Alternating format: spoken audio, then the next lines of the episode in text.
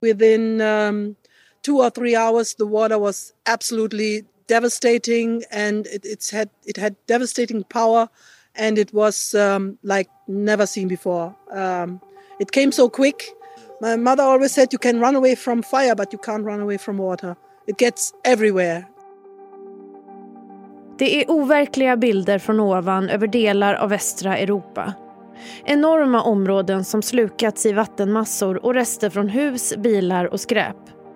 Tyskland och Belgien är hårdast drabbat men även Nederländerna, Schweiz och Österrike är påverkat. Och det är efter att enorma regnmängder föll i förra veckan med stora översvämningar som följd. Och på sina håll en total förödelse. När det här avsnittet görs så har nästan 200 personer hittats döda och tyvärr kommer siffran säkerligen stiga eftersom hundratals fortfarande saknas. Så här några dagar efter skyfallen så har en del kunnat återvända till sina hem för att se att det mesta är förstört. Människor fick minuter på sig att lämna sina hem. Till exempel så utrymdes hela staden Liège i Belgien efter larm om att den riskerade att hamna helt under vatten. Och extremväder framåt, det är inget snack om det kommer bli vanligare, utan när. Och den här katastrofen är väldigt nära Sverige. Men kan Sverige bli drabbat av lika stora översvämningar? Och är vi rustade om det skulle ske? Och går det ens att vinna kampen mot vatten? Det här och mer ska vi prata om i dagens Aftonbladet Daily. Jag heter Amanda Hemberg Lind. Vi ska prata med Lars Hedström på Försvarshögskolan. Han har erfarenhet från katastrofområden och har jobbat för räddningstjänsten.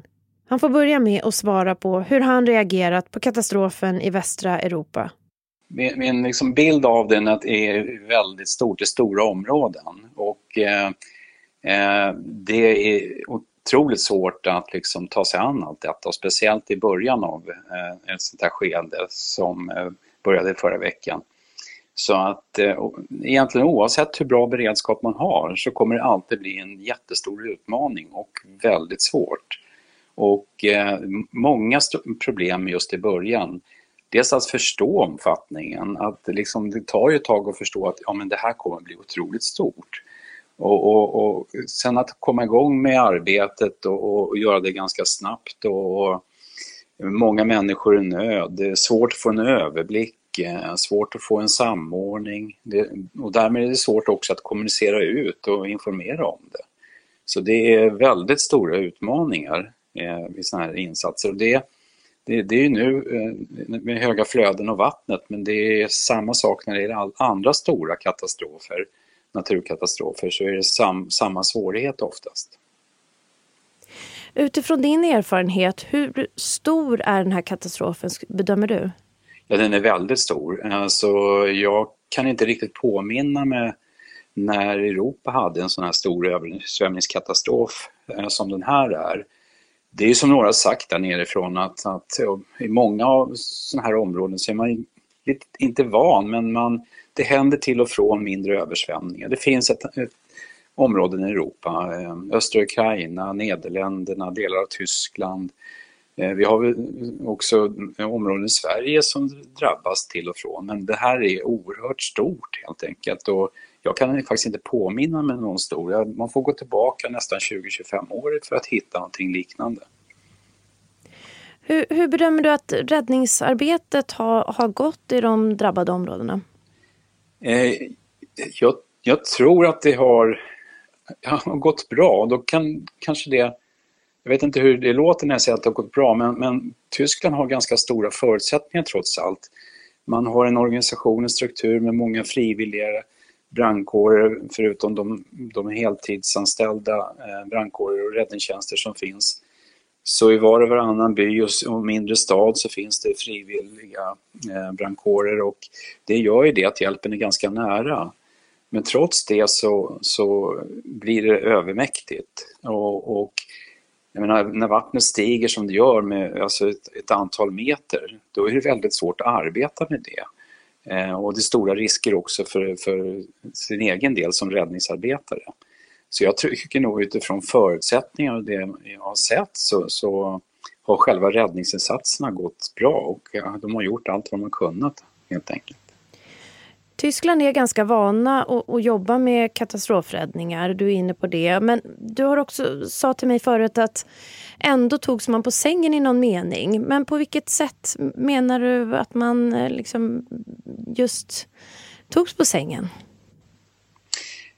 Jo, eh, när någonting sånt här inträffar så även om man får vissa förvarningar såklart för att du har du, du, du får ju liksom förvarning, väderförvarningar Eh, och så är det ändå så att, att förstå omfattningen för att eh, Eh, det regnar mycket, eh, det är höga flöden, det stiger, men att förstå hur mycket det kommer att komma och hur det kommer påverka exakt. Det är det som är, är svårigheten. Och det är där som det alltid är en liten tröskel att komma igång. När man förstår att nu, nu måste vi dra på. Och också kanske att det här övergår vår egen förmåga att ta hand om. Så vi måste liksom samordna inom regionen, inom eh, delstater. Tyskland har ju delstater, ganska starka regionala organisationer plus det då eh, på toppen en nationell och även lokalt. Men att förstå att vi måste liksom växla upp och att liksom eh, samordna det här på nationell nivå kanske. Jag tror att det är de stegen som man, de, de är alltid svåra och jag tror att det är det som har varit en svårighet här. Ja, vad kan man egentligen göra i sådana här situationer? Går, går det ens att vinna kampen mot, mot så här mycket vatten? Nej, egentligen inte. Utan eh, är den här typen av områden, eh, det är alltid svårt. Det man kan göra är att, att jobba med förebyggande åtgärder, med vallar, fördämningar. Stora delar av Nederländerna är ju uppbyggt på det sättet och även finns ju andra områden där man, där man bygger upp liksom eh, i förväg vallar, fördämningar, avlastningar. Det finns också exempel på i Nederländerna där man liksom har områden där man tillåter vattnet liksom att svämma över och liksom, så vattnet kan ta vägen någonstans istället för in, in, in, in ett bostadsområde. Så att egentligen ska man göra någonting eh, för att förhindra sånt här så ska man jobba förebyggande. Och ibland kan det ju faktiskt vara så Eh, och det kan man ju återkomma till som i Sverige att, att man helt enkelt avråder för, från att bygga på vissa områden för att det här inträffar så pass frekvent i alla fall. Det finns områden i Sverige som är extra sårbara om vi skulle drabbas av en naturkatastrof. Till exempel om det skulle falla enorma mängder regn eller om marken skulle ge vika i ett stort jordskred. Enligt MSB, Myndigheten för samhällsskydd och beredskap, är området kring västkusten, Göta-Älvdalen, allra mest utsatt och har störst risk för översvämningar vid kust och vattendrag och jordskred. Och tätt efter kommer Mälardalen, Stockholm och Skåne och Hallandskusten.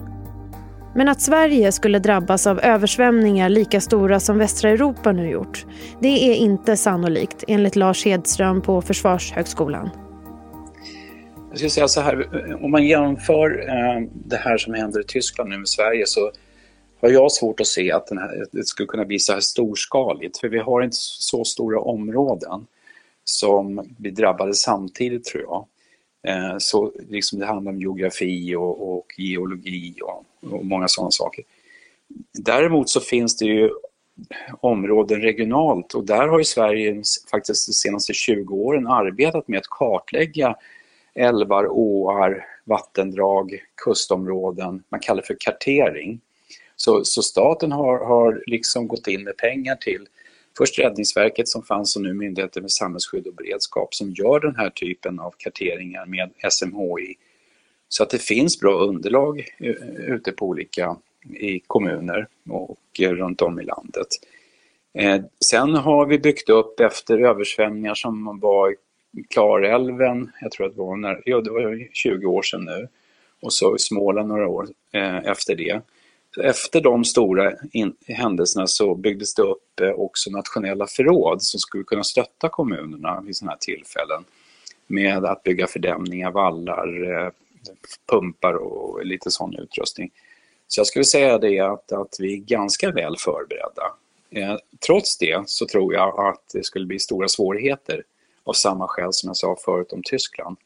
Så vi skulle få svårigheter, vi skulle bara inte få så stort, men vi skulle kunna få det regionalt, flera kommuner, eh, Klarälven, delar av Småland eh, och kanske andra ställen också. Lite apropå det du säger, eh, vilka lösningar som det här kan framkalla. För jag tänker medvetenheten om bränder, den blir ju bättre efter, ja senast 2018 men även stora bränderna i Västmanland 2014. Kan det vara så att eh, det här framkallar att man kommer prata ännu mer om det här nu även i Sverige och, och att det kan komma ett, ett eh, ännu större arbete kring översvämningar och så? Ja, det tror jag absolut. Eh, det är nästan allt så faktiskt att stora katastrofer och kriser föder och eh, bidrar till en utveckling. Eh, det är väl det enda positiva man kan säga om det, att, man, att vi lär oss någonting och ofta i alla fall så gör, gör man eh, nya saker, man tar till mer, åt, fler åtgärder. Och jag tror att, att och vi har ju pratat ett antal år nu om klimatförändringen och naturolyckorna. Och det kanske inte har hänt så mycket, men jag tror att vi kommer att få se rätt mycket av det. Jag tror att till exempel inom EU, men också inom olika eh, länder kommer att se mycket, mycket mer av det här arbetet. Och eh, jag tror även i Sverige.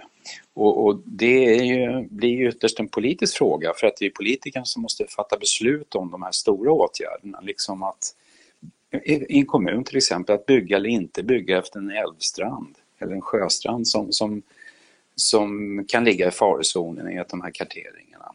Så jag tror att eh, det här kommer att bli mycket, mycket mer diskussioner om och vi kommer att få se också flera förebyggande åtgärder. När, om man har följt rapporteringen nu kring katastrofen så har man kanske heller inte missat eh, de här ödena när man har fått höra just intervjuer med människor som har drabbats oerhört hårt, som har förlorat sina hem. Då börjar jag genast tänka sådär, finns det någonting man som privatperson kan göra för att förbereda sig? Eller är det svårt vid, vid sådana här stora översvämningar? Alltså, man brukar ju säga liksom allmänt för kriser att vi ska förbereda oss bättre och man ska, vi ska kunna klara oss 72 timmar, det ska, det ska vara vatten, det ska vara skydd, det ska vara värme, eh, Eh, reservkraft för el, eh, radioapparater som man kan veva igång för att lyssna på nyheter. Men just när det gäller översvämningar och vatten så är det väldigt svårt för att eh, vad ska man göra? Egentligen det, om, om man blir drabbad och liksom börjar, vattnet börjar stiga så pass mycket så måste man ju bara ta sig därifrån. Och det är det som gör det extra svårt här, att du, du måste ju bara lämna. Och, och börjar det också rasa kring älvstränder och, och husen, eh, där huset där man bor och så, då, då, är det bara att lämna och det är väldigt svårt att förbereda sig för det. Då får man liksom bara gräva tag i det man kan och så ganska snabbt utrymma. Och, och jag har ju sett också hur, hur snabbt eh, myndigheterna säger till människor att lämna sina hem. De får 15 minuter eller 10 minuter på sig. Och det är väldigt svårt att förbereda sig för det. Och då måste ju samhället mer vara förberett att ta, ta om hand om som man rymmer ut. Med att, att uh, kunna, ja, det, oftast är det skolor eller eh, andra typer av lokaler som man förbereder för att, och det är inte bara för översvämningar utan det kan vara av andra skäl också så har man förberett, åtminstone har vi så i Sverige, jag tror att det är så i Tyskland också, att man förbereder olika ställen där man kan samla människor, man kan ge dem mat och de kan eventuellt också få sova där på golvet och så. Så att jag tror att som enskild så är det väldigt svårt just när det gäller översvämningar faktiskt. Sist här hörde vi Lars Hedström på Försvarshögskolan. Du har hört Aftonbladet Daily, vår dagliga nyhetspodd. Och jag heter Amanda Hemberg Lind. Tack för att du har lyssnat och på återhörande. Du har lyssnat på en podcast från Aftonbladet. Ansvarig utgivare är Lena K Samuelsson.